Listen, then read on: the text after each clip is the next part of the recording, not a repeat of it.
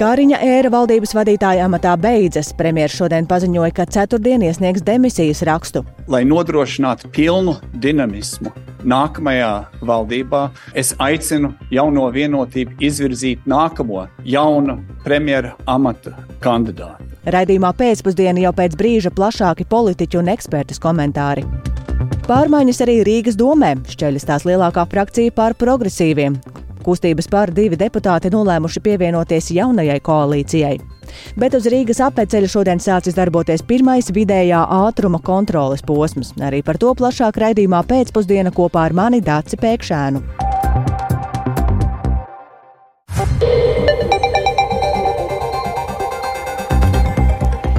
Piecas minūtes pāri pulksten četriem skan ziņu raidījums pēcpusdienā, skaidrojot šodienas 14. augusta svarīgos notikumus. Studijā Dāca Pēkšēna. Labdien! Kariņa ēra valdībā beigusies. Pirms pusotras stundas Krišjāns Kariņš nāca klajā ar paziņojumu, ka demisionēs un ceturtdien prezidentam iesniegs demisijas rakstu, turklāt atkārtot uz ministra prezidenta amatu nepretendēšot. Paklausīsimies! Pēc ilgstošām sarunām man ir taps skaidrs, ka Nacionālā apvienība un apvienotais saraksts eh, dara visu, lai bremzētu jebkuru mēģinājumu ieviest šo nepieciešamo dinamismu valdības darbā. Līdz ar to secinājums ir elementārs. Ja šajā valdībā šī dinamisma nevar rast, eh, tad ir nepieciešama jauna cita valdība. Šodien es informēja jaunās vienotības eh, valdes un eh, frakcijas eh, kopsēdi, ka, lai nodrošinātu pilnu dinamismu nākamajā valdībā, es aicinu jauno vienotību izvirzīt nākamo jaunu premjera amata kandidātu.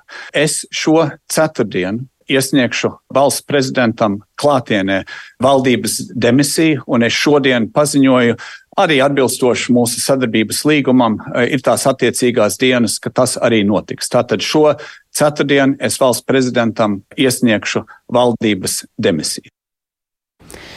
Tālūk, premjerministrs Krišņānis Kariņš no jaunās vienotības paziņojumā pirms divu ar pus stundām, bet visām politiķu sarunām šodien turpina sekot līdzi kolēģi Zāne Eniņa, kas man jau pievienosies studijā, un jāteic, ka jā, pēdējo stundu notikumi atkal ir nesuši strauju pavērsienu. Jā, tik tiešām pēc premjera Krišāņa Kariņa paziņojuma par demisiju drīz vien notika iepriekš plānotā valdības koalīcijas sadarbības padomas sēde, bet jau pirms tās viens no apvienotā saraksta līderiem Edvards Smiltēns paziņoja, ka premjera paziņojums par to, ka viņš demisionē un vairs nepretendē uz valdības vadītāja posteni, daudz ko maina līdz šim iestrēgušajā situācijā. Paklausīsimies Edvards Smiltēna teiktajā. Tas būtiski izmaina situāciju, es teiktu, tas uzlabo. Ja mums bija domstarpības ar premjeru Krišānu Kariņu atsevišķos jautājumos, vai drīzāk tie uzstādījumi bija ārkārtīgi smagi, kas tika likti galdā, tad šobrīd mēs arī apliecinām, ka sadarbība ar vienotību kopumā ir ļoti pozitīva un mums ir iespēja ļoti raiti, dinamiski virzīties uz priekšu ārkārtīgi svarīgos, nozīmīgos lēmumos Latvijā. Ar citu premjeru tad būtu cita? Es domāju, ka jā. Šobrīd, šobrīd mums ir cita situācija, jauna situācija, un mums ir ātri jāpieņem lēmumi lēmumi un jāsadala pienākumi, jāsaliek termiņi. Un sabiedrībai jājūt ir būtisks ieguvums jau strādājot šādā jaunā kombinācijā. Tā teica Edvards Smiltēns, un arī trešā koalīcijas partneru Nacionālās apvienības skatījumā pašreizējā valdība tās politiskajā salikumā ir bijusi veiksmīga un līdz zināmam brīdim spējusi ļoti sekmīgi strādāt, un kāpēc arī neturpināt tādā pašā garā? Lūk, ko teica Nacionālās apvienības deputāts, Sēmas Nacionālās drošības komisijas vadītājs Jānis Dombrava. Tā līdzinējā koalīcijas formāts, kāds bija izveidots, manuprāt, tiešām bija optimāls. Eh, arī tas pierādīja ļoti labi savu darbību, it īpaši pirmajā pusgadā, līdz brīdim, kad sākās nu, šīs diskusijas par koalīcijas eh, izmaiņām. Bet nu, šajā pirmajā pusgadā bija iespēja panākt ļoti daudz strateģiski būtiskus lēmumus. Tātad eh, koalīcijas partneri apvienotais saraksts un Nacionāla apvienība par darbu, darbošanos tādā pašā politisko spēku kombinācijā būtu ar mieru. Bet, ja ir runa par koalīcijas paplašināšanu, kaut arī cita premjera vadībā, gan Nacionāla apvienība, gan apvienotais saraksts joprojām izsakās atturīgi. Līdz jaunas valdības izveidošanai koalīcijas sadarbības padomas sanāksmē premjeras šodien lūdzas nozīmīgus politiskus jautājumus valdībā vairs neskatīt, atskāt, atstāt tikai nosacīti tehnis, tehniskus jautājumus, un, kā jau minēts, ceturtdien viņš gatavojas iesniegt demisijas rakstu, bet pēc tam valsts prezidents Edgars Rinkevičs uzsāks politiskās konsultācijas ar visām saimā pārstāvētajām politiskajām partijām, un no politiķiem valsts prezidents sagaida programmātisku plānu par valstī neatliekami darāmajiem darbiem. Dace? Paldies Zanai Eniņai, tas par šī brīža situāciju un um, Zanas Eniņas skaidrojums, bet vēl līdz šai dienai premjeras jaunās valdības koalīcija veidojās, vēlējās veidot ar um, Zaļo un Zemnieku savienību un progresīviem, un par to arī risināja aktīvas sarunas. Vai šī pārliecība ārpus koalīcijas esošiem partneriem pat laban ir saglabājusies, to vaicāsim vispirms um, Zaļo un Zemnieku savienības saimas frakcijas priekšsēdētājam Viktoram Balēnim, kurš pie telefona klausos. Labdien! Labdien! Vai pēc eh, piekdienas premjera paziņojumiem eh, šodienas solis ir negaidīts? Es domāju, ka tas ir uh, likumsakarīgs un tas, kas ir negaidīts uh, manā ieskatā, ir tieši esošo koalīcijas uh, partneru nu, principā, rīcība, kas noveda pie valdības gāšanas. Jo šī valdība nogāzās tikai un vienīgi tā iemesla dēļ, ka apvienotais saraksts un Nacionāla apvienība nepiekrita, nu, manuprāt, ļoti sīkām amatu pārdalēm, nenozīmīgām, bet uh, tomēr amatu pārdalēm, kas ir saudabīga turēšanās pie amatiem, kas arī izpaudās, un premjerministrs ar to nebija mierā. Tā kā nu, uz visu šī fona tas ir uh, nu, ļoti dīvaina uh, pozīcija tieši no šiem diviem politiskiem spēkiem. Uh, Bet, uh, bet kopumā nu, likumsakarīgs rezultāts. Ja viņi paši nav gatavi mainīties, tad, tad um, nu, šai valdībai šāda stagnācija, nu, šī valdība pēc būtības beidzās jau piekdien. Nu, šodien arī viņa de jure ir paziņojusi pa beigām. Kā Zaļo un Zemnieku savienība rīkosies šobrīd? Jūs cerat nonākt valdībā? Mm, nebūs, kas uzstāja uz plašāku koalīciju, varbūt jūsu iesaist nemaz nebūs nepieciešama. Nu, Pirmkārt, jāklausās, ko teica valsts prezidents. Viņam lielā mērā piekrīt, ka jābūt programmatiskam plānam uh, par to, ko šī valdība darīs. Un tā ir ļoti būtiska atšķirība no tā, kā tas ir bijis līdz šim. Mēs redzam tuvākos darbus, lielos darbus, nevis tikai tādu funkcionēšanu, bet tiešām lielos darbus, kas būtu jāveic uh, nekavējoši gan izglītībā, veselības jomā, kapitāla sabiedrība pārvaldībā.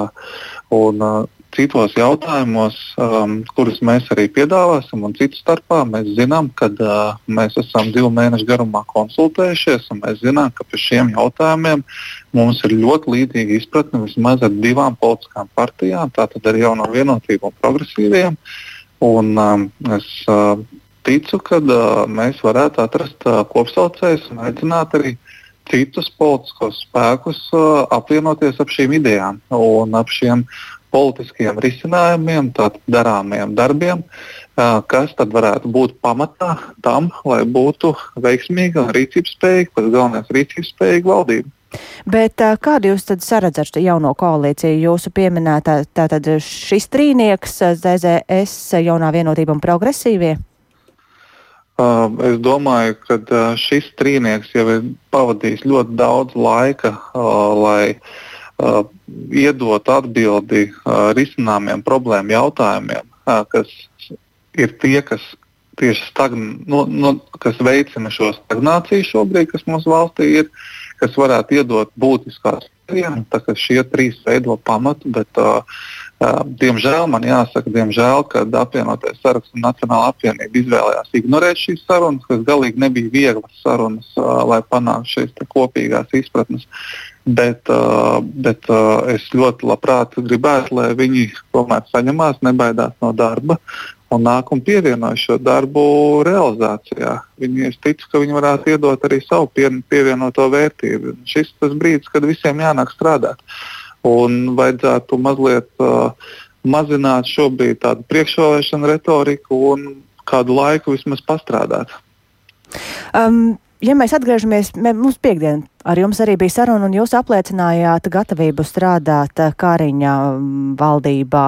Tagad, ja ir cits premjers, ko tas maina tajās līdzinājās sarunās, um, kas ir bijuši pēdējos mēnešos, um, vai jūs joprojām esat nu, gatavi strādāt? Mēs uh, nedrīkstam aizmirst uh, faktu, ka uh, jaunai vienotībai ir 26 mandāti, un mēs esam gatavi strādāt. Uh, valdībā, kur uh, premjera amatu uh, uh, uzņemās atbildību, uzņemās jaunā vienotība. Un šobrīd no piekdienas šī situācija absolūti nav mainījusies. Ja jaunā vienotība izvirzītu kariņu, visticamāk, mēs ar viņu strādātu. Ja jaunā vienotība izvirzīs kādu citu, protams, mēs to vērtēsim, bet, bet mums būtu nu, do, Uz savu kandidātu neuzstāsiet.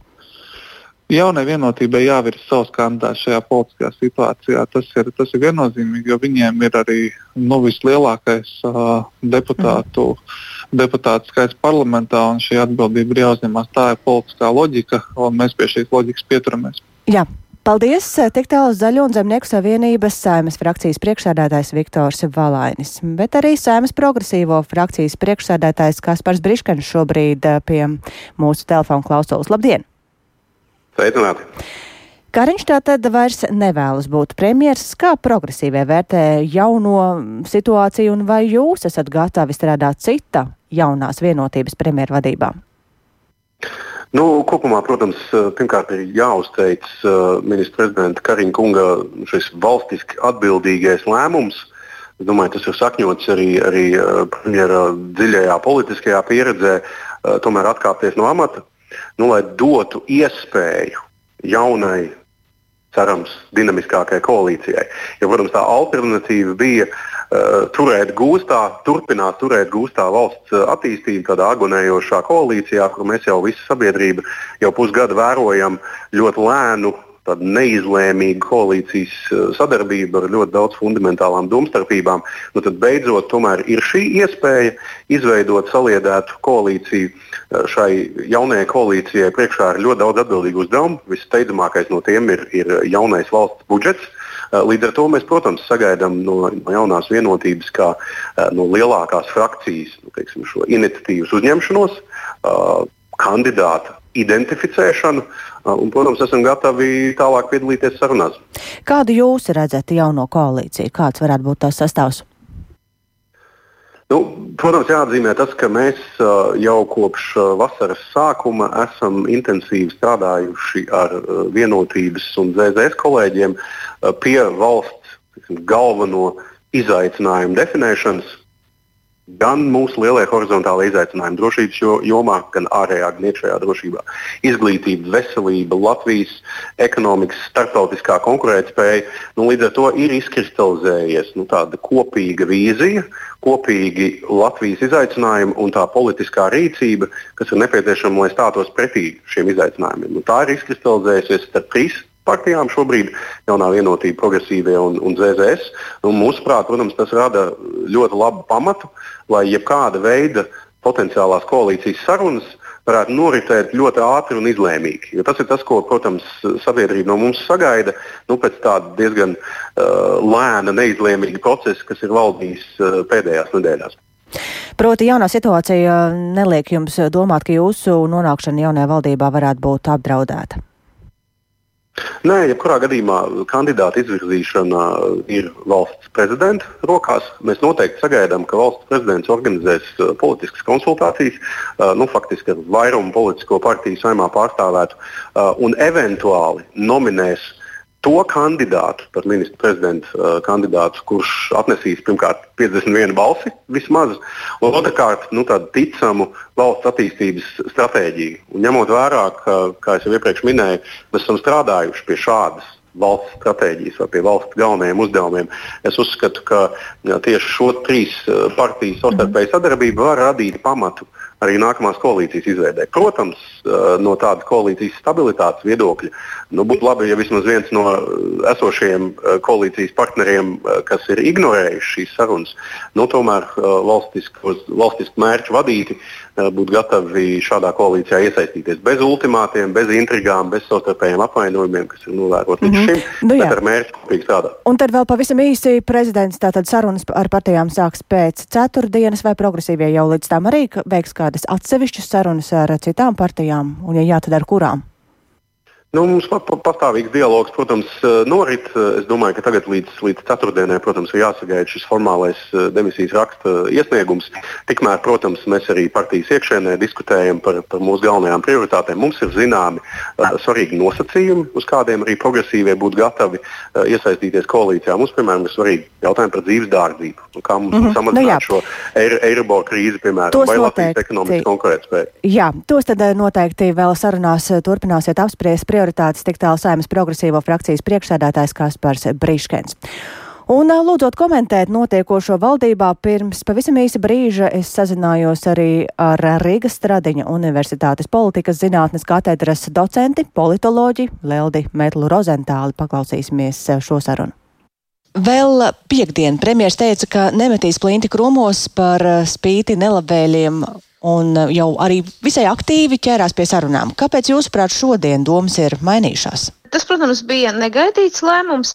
Bet es domāju, ka premjerministrs uh, vēl aizvien cerēja uz uh, to ko viņš jau iepriekš bija deklarējis, uz šo ideju par koalīcijas paplašināšanos. Proti, kad mēs nesākam no nulles, bet mēs varbūt uh, turpinām esošās koalīcijas darbu, bet pārtransformējam viņu kaut kādā nedaudz citā formā.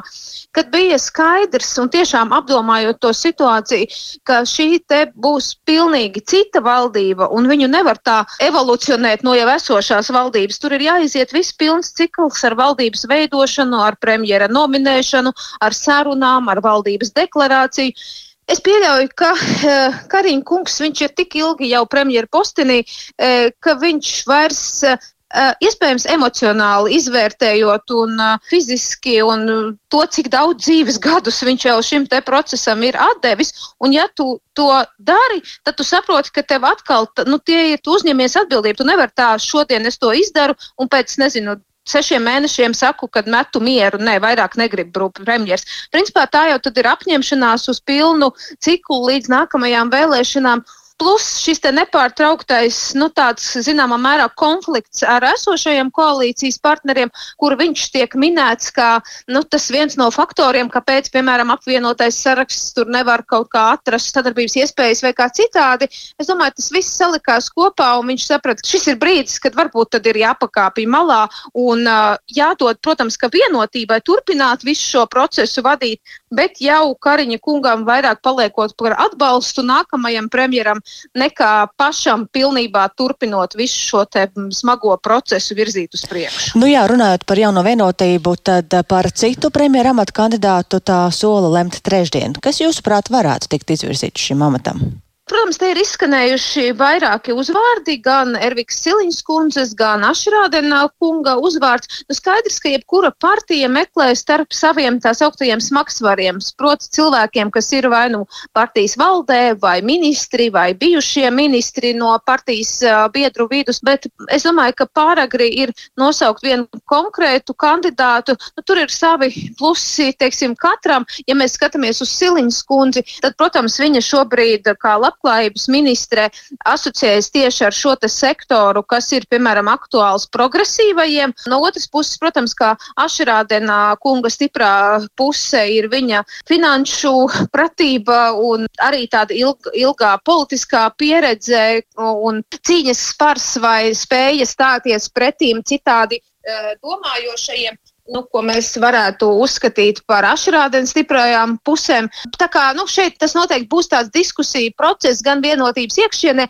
gan arī zondējot, kas varētu vislabāk strādāt tieši kā konkrētās jaunās koalīcijas nu, vadītājs, līderis. Tas ir par kandidātiem, bet vispār mēs varam ar tādu pārliecību teikt, ka jaunā vienotība saglabās premjera vietu. Varbūt tikpat labi prezidents aicina kādu citu partiju uzņemties valdības veidošanu. Protams, ka var jau viss kaut kas notikt, bet šie nerakstītie likumi paredz, ka mēs izvēlamies pirmkārt partiju, kas ir nu, vēlēšanu uzvarētājs. Protams, šeit uzreiz var kāds teikt, nē, nē, saskaņu taču nekad neizvēlējās. Jā, bet tāpēc, ka neviens cits no, no cita partija nebija gatava ar viņu sadarboties. Tātad valdība nevarēja izveidot.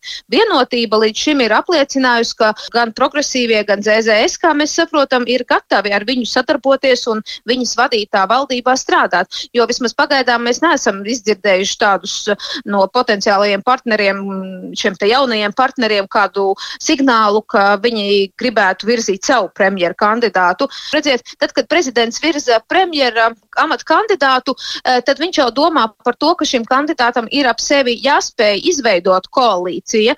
Un, uh, tagad ir jautājums, piemēram, vai apvienotais saraksts var ap sevi pulcēt vairākumu koalīciju. No acīm redzot, ka nē, jo viņu vienīgais tagad sadarbības partneris ir Nacionāla apvienība. Tieši tāpat, ja mēs runājam par Nacionālo apvienību. Tāpēc, nu, skatoties uz tādu matemātiku, es domāju, ka vienotība nu, šķiet šajā spēlē ir tie, kuriem tā premjera pozīcija jebkurā gadījumā visdrīzāk tiks dota.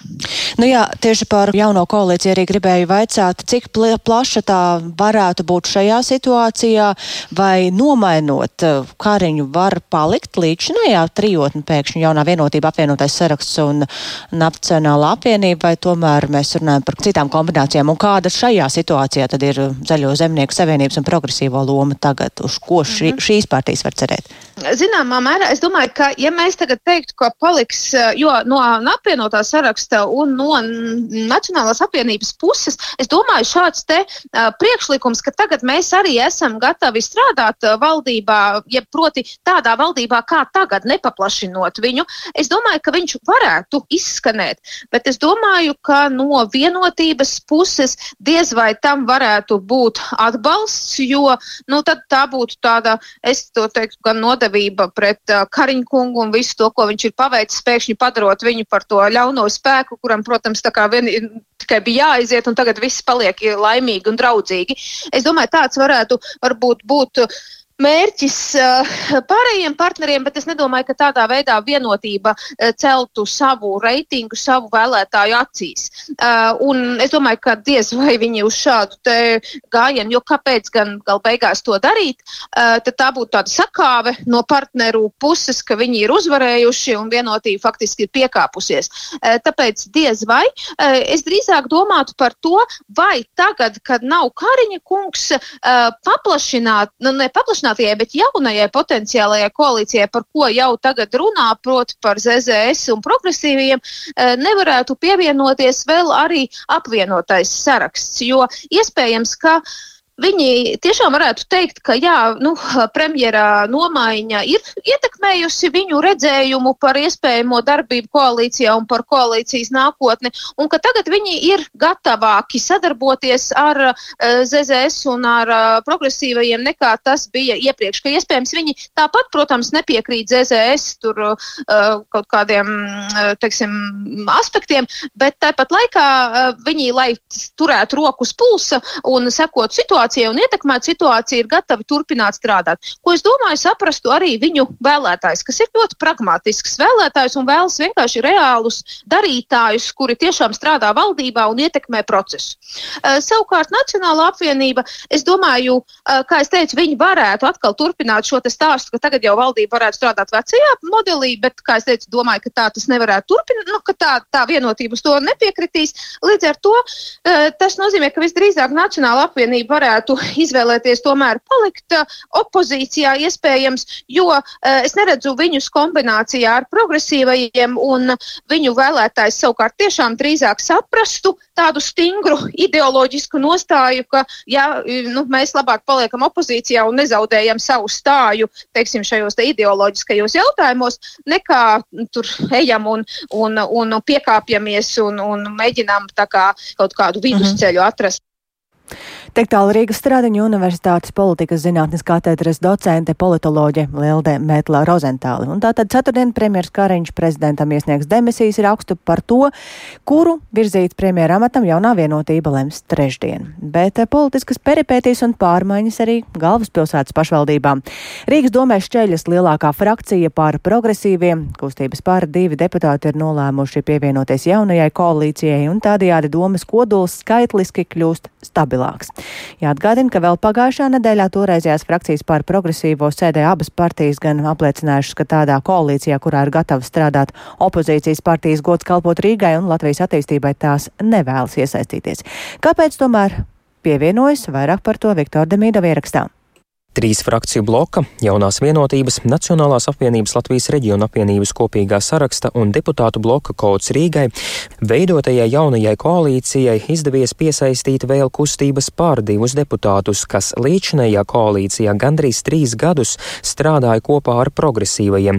Ar Dievas saviem nu jau bijušajiem partneriem ir pateicis Ivars Drūle un Izglītības, kultūras un sporta komitejas vadītāja un kustības par līdz priekšsādētāja Laima Geikina, kura komiteju partiju vadīs visdrīzāk arī turpmāk. Kopā ar viņiem jaunajā kodolā tagad ir 33 no 60 deputātiem. Taču vēl pirms nedēļas frakcijas pār progresīvo sēdē abu partiju deputāti apliecinājuši, ka nevēlas būt tādā koalīcijā, kurā ir gods kalpot Rīgai un Latvijas attīstībai. Kāpēc domas pēkšņi mainījās, komentē Geikina. Diemžēl man jāsaka, ka es šajā frakcijas sēdē nepiedalījos, tāpēc man bija liels pārsteigums uzzināt pēc tam, ka ir balsots par šādu lēmumu. Manuprāt, ir lielāka atbildība būt klāt procesiem un strādāt un raudzīties, lai viss notiktu caurskatāmi un tiesiski, nekā palikt opozīcijā un uh, kritizēt no malas. Pirms nedēļas pret koalīciju balsoja Ivars Drūle, kurš vakar partijas sanāksmē tomēr balsoja par to. Latvijas radio viņš noraida, ka trīs frakciju bloks viņam ar Geikinu ir kaut ko piedāvājis. Šis valsts lēmums, kas tika pieņemts vakar vakarā, nu, es jūtu, ka viņš man ir uh, saistošs. Es viņu uzsveru augstāk kā partijas biedrs nekā frakcijas redzējumu. Jā, otru dienā neapšaubām, nu, ka valdes lēmums nebija pieņemts, tad es uh, biju kā frakcijas dalībnieks. Visu, ko lēma frakcija, arī bija saistoši man. Ja ir jautājums, vai es esmu pievīlis, es tomēr uzskatu, ka nu, mēs darījām visu, lai iepriekšējā koalīcija varētu atjaunoties, bet progresīvi nolēma, ka viņus tas tā īpaši neinteresē, nu, tad es vienkārši izsmēlu visas savas iespējas. Frakcijas progresīvie vadītājs Mārtiņš Kosavičs kolēģu aiziešanu nodēvējis par olšteinismu. Termins parādījās saimā pirms vairāk nekā desmit gadiem, un tas nozīmē politisko pārdošanu un nodevību. Olšteinisms Latvijas politikā nav nekas svešs, nav nekas jauns. Nu, redzam, ka tas ir ienācis arī Rīgas domas darbā. Bet mēs progresīvai savu pozīciju nemainīsim. Mēs pieturēsimies pie tām vērtībām, ar ko mēs nācām strādāt šajā rītdienas sasaukumā, tāpēc arī neatbalstīsim. Tuvākā laikā notiks balsojums par jauno koalīciju. Mēs neatbalstīsim šo ķiršu, burovu un raknieku koalīciju. Lai gan domē runā, ka jaunajam kodolam gatavi pievienoties arī progresīvo deputāti, Kosovičs par saviem kolēģiem ir pārliecināts. Viņa frakcijā paliek visi 12 deputāti. Viņš arī pieminēja, ka trīs frakciju bloks savā kompānijā mēģina pievilināt arī saskaņas deputātus. To gan noraida frakcijas deputāts un partijas domes vadītājs Konstantīns Čekūšins. Savukārt domes balsojums par Vilni Čirsi no jaunās vienotības kā Rīgas mēru gaidāms šo ceturtdienu. Viktors Demidovs, Latvijas radio. Un eh, turpinot par norisēm Rīgā, no septembra Rīgas skolās un bērnu dārzos par ēdināšanu būs jāmaksā vairāk. To izjutīs bērnu dārzu un 5. un 12. klašu skolēnu vecāki, kuri par ēdienu piemaksām. Tā šodien lēma Rīgas domas atbildīgās komitejas ārkārtas sēdē un ņemot vērā valdības noteikto ir paredzams, ka vecākiem par bērnu ēdināšanu vajadzēs maksāt līdz pat 40% vairāk nekā līdz šim. Vairāk par to gatavs stāstīt kolēģis Viktors Demīdovs, kurš šobrīd studijā. Sveiks, Viktor, un saki, cit, cik maksās pusdienas izglītības iestādēs no rudens un cik liela ir tā summa, kura tagad būs jāmaksā pašiem vecākiem? Hmm. Sveicināti! Jā, paredzams, ka skolās no septembra katra bērna viena ēdienreize līdzinējo 2,15 eiro vietā maksās 3,9 eiro. Tātad sadārdzinājums ir 94 centi. Uh, bet uh, par detaļām pastāstīšu mazliet sīkāk. Tātad, ja līdz šim bērnam bija brīvpusdienas, tad izmaiņas uz vecākiem neatiecas. Tāpat izmaiņas neatiecas uz 1-4 klašu skolāniem, kuri ēd par valsts un pašvaldības naudu. Taču maks plašāk būs jāver 5-12 klašu skolānu vecākiem, kuri par pusdienām piemaksā. Un līdz šim vajadzēja piemaksāt 1,15 eiro, bet no septembra būs 1,62 eiro. Tātad mēnesī sanāk par 9 eiro vairāk, jeb, bērna, jeb par bērnu pusdienām vajadzēs maksāt aptuveni 32 eiro. Pārējās izmaksas tātad seks pašvaldība. Cik ir tādu bērnu, par kuru pusdienām vecāki piemaksā domē, nevarēja pateikt, norādot, ka informāciju viņi apkopos līdz nākamajai domas sēdei. Dārgāka ēdināšana būs arī pirmskolas izglītības iestādēs jeb bērnu dārzos, kuros vecāki piemaksā.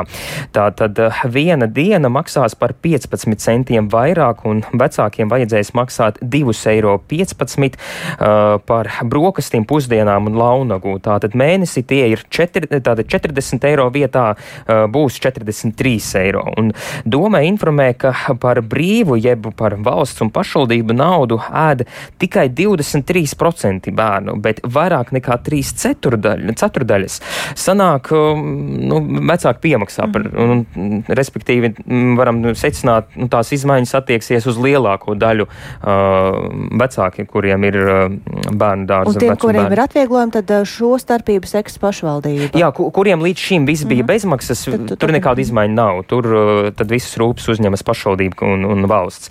Jā, un šodien komitejas sēdē deputāti arī norādīja, ka uh, ar laiku ir jātiecas uz pilnībā uh, pašvaldības finansējumu finansētām pusdienām, un arī tas attiecas uz bērnu dārzos citām ēdienreizēm, tad brokastīm, launagu.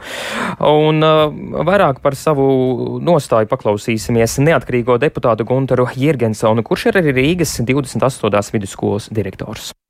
Mums ir pamatots aizdoms, ka bērnu skaits varētu samazināties, kas ēdīs, ēdnīcas pakalpojumu izmantos pie šī te, ka viņš vismaz sākumā samazināsies. Vismaz es kā skolas vadītājs varu teikt, ka daudzas, daudzas lietas atrisinātos un būtu vienkāršāks arī no sadzīves viedokļa skolā, ja mums šo lietu izdotos tomēr no domas, no pašvaldības puses atmaksāt simtprocentīgi. Es nemaz nerunāju par to, ka ja ideālo gadījumu, ja kaut ko no šīs atmaksas uzņemtos arī valsts no savas puses finansēt, tas jau būtu pavisam labi. Tālūk, neatkarīgais deputāts Guntars Jērgensons. Nu, jāatzīmē, ka komitejas sēdē nekādu domstarpību nebija par šo, jo nu, tā ir noteikusi valdība, ka pusdienas nu, kļūs dārgākas eh, skolās un bērnu dārzos tā ēdināšana, un tāpēc nu, tur nevarēja kaut kā iebilst vai ko, tā, nu, respektīvi deputāti to atbalstīja. Un lēmums vēl tas gala būs jāpieņem uh, nākamajā domas sēdē, kas uh, gaidām pavisam jau drīzumā. Paldies, paldies Viktoram Demīdovam par šo stāstījumu, un iespējams, ka daudz vecāku un skolēni arī uz savām skolām dodas pa Rīgas apveceļu, un tieši uz Rīgas apveceļu šodien ir sācis darboties pirmais vidējā ātruma kontrolas posms no stūnīšiem līdz jaunmārupēm. Atklāto nepilnību IT sistēmā dēļ tas sāk darboties vēlāk nekā bija paredzēts, un vairāk par to šajā brīdī vajadzēsim Latvijas valsts ceļu pārstāvēja Annai Kononovai. Labdien! Labdien! Vai Ieviešana ir notikusi sekmīgi un uh, kontrolas posma radari šodien darbojās bez problēmām. Jā, viss ir noticis sekmīgi un veiksmīgi, un uh, vidējā ātruma kontrolas posms darbojās, uh, kā tam būtu jānotiek. Atgādiniet to principu, kā nosaka pārkāpējus, uh, kā to fiksē un uh, kur nonāk šie dati. Uh, Tātad atšķirībā no stacionārā radara, kurš fiksē uh, ātrumu ar kuru brauc savu transporta līdzeklis konkrētajā vietā un konkrētajā punktā, tad eh, šeit ir posms. Eh, Rīgas apceļa gadījumā tie ir apmēram 5 km, arī vispārējie posmi ir apmēram šāda garuma. Tātad posma sākumā un posma beigās ir uh, ierīces, kas uh, fiksē laiku, kurā autobraucējs, uh, autotransporta līdzeklis uh, iebrauc konkrētajā posmā un uh, laiku, kurā tas izbrauc no tā. Līdz ar to, veicot matemātiskas darbības, izrēķina, kāds ir bijis tas vidējais ātrums, ar kuru auto, auto ir šķērsojis uh, konkrēto posmu. Un, uh, ja, uh, vidē, ja šis ātrums maksimālais atļautais ir pārsniegts, tad attiecīgi autovadītājs saņem sodu. Uh, sistēma darbojās ne tikai uz šo braukšanas ātrumu, bet uh, tur arī tiek fiksēts, ir vai nav viņietis uh, smagajam transportam. Okta, uh, oktava ir samaksāta arī, mm -hmm. un vai ir izieta tehniskā apskate. Un tad šie dati nonāk CSDD vai valsts policijā, un pēc tam cilvēks saņem soda kvīti. Kā tas praktiski notiek? Jā, ja ir bijis kāds pārkāpums, tad tieši tā. Tāpat, kā, tāpat tieši tādā pašā veidā, kā arī pārkāpjot ātrumu pie parastā radara, arī šajā gadījumā jūs tieši tādā veidā uh, saņem, uh, saņem sodu. Jums ir kaut kādi dati par to, cik daudz automašīnu šodien šķērsoja šo posmu, un vai ir jau kādi pirmie pārkāpēji? Nu, man nav tādu precīzu datu par uh, to, cik tur ir izbraukušas automašīnas šodien, bet nu, cik nu, kolēģi, kuri iemet acī tajā sistēmā, mācīja pastāstīt, ka apmēram līdz pusdienas laikam nu, bija vien uz vienas rokas pirkstiem saskaitāms pārkāpēju skaits. Līdz ar to autobraucēji tiešām ievēro un uh, brauc pieklājīgi šajā posmā. Nu, droši vien klausījušies radio ziņas par to, ka jābūt šajā posmā uzmanīgi, uh, bet pavisam paredzēti 16 šādi posmi. Kad sāks darboties pārējie un uh, kur tad ieviesīs to, piemēram, nākamo posmu? Nākamie posmi, kuriem tiks veikta verifikācija, kuri sāks darboties tuvākajās nedēļās, ir Vidzemes šoseis, Valmieras šoseis un Tallinas šoseis posmi. Tad, kad tas notiks, mēs atsevišķi arī informēsim. Ar pirmo tomēr bija aizķeršanās, vai tāda varētu būt arī ar pārējiem, un kā ir ar līgumsodu piegādātājiem par kavēšanos, vai uzņēmums ir piekritis maksāt līgumsodu?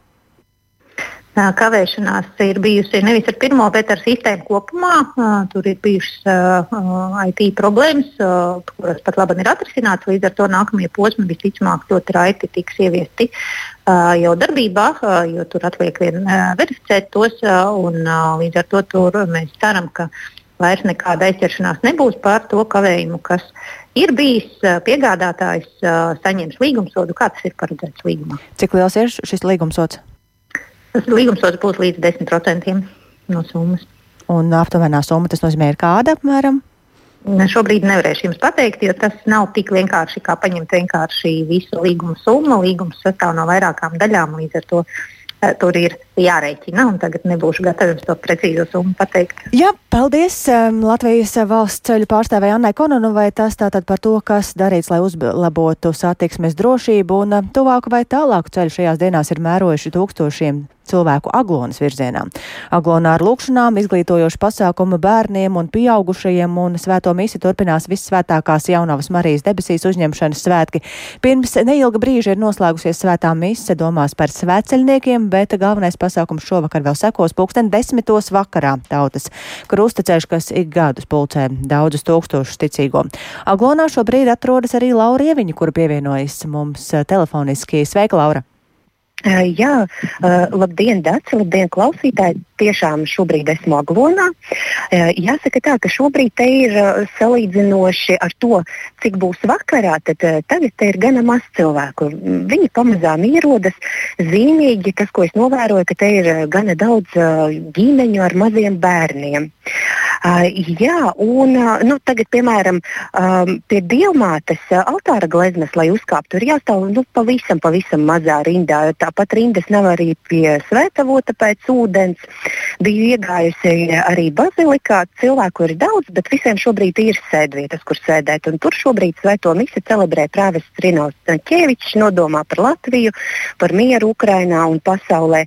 Ierados te pirms aptuveni divām stundām, tad uh, tikko bija beigusies svētā mise nodomā par sveceļniekiem. Tas, ko man pastāstīja, ka uh, šāda veida mise ir sena tradīcija Glonā, un tā nesot apsīkus arī padomju gados, kad cilvēki individuāli vai arī pavisam mazās grupiņās tomēr uh, turpināja sveceļot uz Aglonu.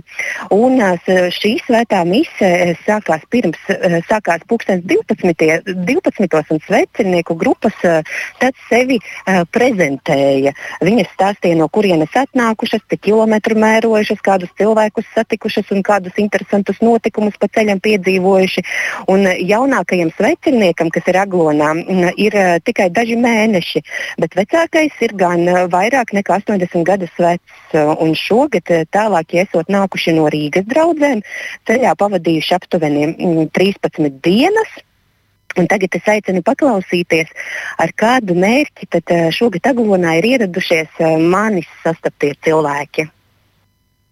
Katru gadu mēs šeit braucām jau nu, pirmkārt lūgt par, gan par sevi, gan par mieru, gan par daudziem cilvēkiem. Mēs uh, esam no Siguldas draudzes. Esam četras dienas gājuši. Arī mani bērni, trīs. Mēs Aglonā katru gadu braucam jau ļoti ilgus gadus, bet tieši sveiceļojums ir otrais tas ir ļoti vienojoši. Un tad mēs tā ģimene kļūstam aizvien tuvāk. Šogad patiesībā es pati nāku drīzāk ar pateicības lūgšanu, Tāpēc, kā ilgus gadus esmu nākusi pie dievmātes ar uh, lūgumu dziedināt mūsu neauglību, un šogad es nāku jau ar trījiem bērniem šeit. Jā, mums, ir kopā četri adoptēti bērni, mēs uh, uzskatām, ka Dievs ir sadzirdējis mūsu lūgšanas. Nebija jau vairākus gadus bijuši Aglona, man ļoti sasagribējās atbraukt. Es domāju, ka šī uzruna manā vecumā vairs var netikt. Daudz lūkšanu par saviem, par sevi, par draugiem, par labdanim, par visiem, par visiem. Šitā man ir pati pirmā reize, un iespējas ļoti milzīgi patīkams. Nu, klāt esot to var tik izjust. Tas ir vajadzīgs garīgam nolūkam, lai stiprinātu ģimeni, kopā būšanu, lai saliedētu vairāk, nu, kā palīdzību pie Dieva griezties. Svētceļojumā Es gāju no kauna. Tas Dievs tevi sauc, un lai atrastu Dieva mīlestību, un, un, un arī tā ir sava veida gandarīšana. Un lai no šīs pasaules mazliet uh, attīrītu, kas ir kas, un saprast vērtības, lai Dievs svētī mūsu Latviju un sargā mūsu tēvzemi un, protams, par Ukrainu. Jā, un vēl tikai gribu atgādināt, ka vissvētākās jaunās Marijas debesīs uzņemšanas obligātās svinības sāksies eh, pusseptiņos vakarā ar lūkšanām, un septiņos būs arhibīskapa eh, Zbigņeva Staņķēviča celebrētā svētā mise un evharistiskā procesija. Bet eh, desmitos vakarā sāksies tautas krustaceļš. Paldies Laurai Ieviņai. Es tikai vēl piebildīšu, ka svētku galvenā misija ir paredzēta rīt pusdienā, tāpēc arī rīt Latvijas radio eterā neskanēs ziņu raidījums pusdiena, bet um, būtiskāko notikumu skaidrojumu kā alaži dzirdēsiet raidījumā pēcpusdienā. Un vēl Latvijas telpu futbola komanda Riga Futsal Club šodien oficiāli iepazīstināja ar komandas jaunieguvumu portugāļu spēlētāju Rikardīņu. Pieredzējušais telpu futbolists karjeras gaitā sešas reizes ir atzīts par pasaules labāko futbolistu, bet tagad viņš ir izvēlējies pievienoties šim Latvijas klubam. Plašāk par šo tēmatu sarunāsimies ar kolēģi Māri Bergu. Sveiks, Māri! Sveiki, Dārts! Sveicināti klausītāji! Kā šāda līmeņa telpa futbolists ir nonācis šajā Latvijas komandā? Jo futbolā būtībā ir tendence, ka futbolista karjeras norietā dodas uz ASV, šovasar intensīvi arī uz Saudārābiju. Gal galā šodien mūsu turieni pārcēlās Neimārs. Vai telpa futbolā ir citādi? Jā, nu, protams, tāda līmeņa spēlētāja parādīšanās Latvijas telpu futbolā nav ikdiena, taču jāsaka, ka vēsturiski Latvijas labākajos telpu futbola klubos ik pa brīdim ir bijuši augsta līmeņa leģionāri, arī spēcīgu nacionālo izlašu spēlētāji. Telpu futbols un parastais futbols tomēr ir ļoti atšķirīgas lietas gan naudas, gan atpazīstamības ziņā. Nu, tevis pieminēto Neimāru noteikti ir dzirdējuši daudz, daudz vairāk radio klausītāji nekā Rikardiņu, taču tas nemaina faktu, ka Rikardiņu šis portugāļu spēlētājs ir ļoti, ļoti meistarīgs telpu futbolists. Kā sarunā žurnālistiem pastāstīja komandas prezidents Mārtiņš Petrovs, viņam ir labas attiecības ar vienu no Rikardiņu draugiem, kurš iepriekš ir uzspēlējis Latvijā un nevienu vienu gadu. Tāpēc, um, zināmā mērā izmantojot pazīšanos, izdevies pārliecināt arī pašu portugāļu futbolistu Rikardiņu, kuram iesauka ir maistro. Pats Rikardiņu tikmēr sarunā žurnālistiem pastāstīja, ka viņš šo visu uztver kā jaunu, interesantu izaicinājumu savā karjerā. Klausāmies! But don't think when we have more legionnaires like now, they will have a solution for everything. So Nevajadzētu domāt, ka viens leģionārs ir atbilde pilnīgi visam. Esmu šeit, lai spēlētu, nodotu savu pieredzi un talantu laukumā, bet mēs būsim viena komanda, nevis Rikardiņu komanda vai Kiki komanda. Vēlējos iespēju atkal spēlēt Čempionu līgā pēc diviem gadiem Indonēzijā. Man būs iespēja spēlēt citā līgā, palīdzēt tai kaut nedaudz attīstīties uz priekšu.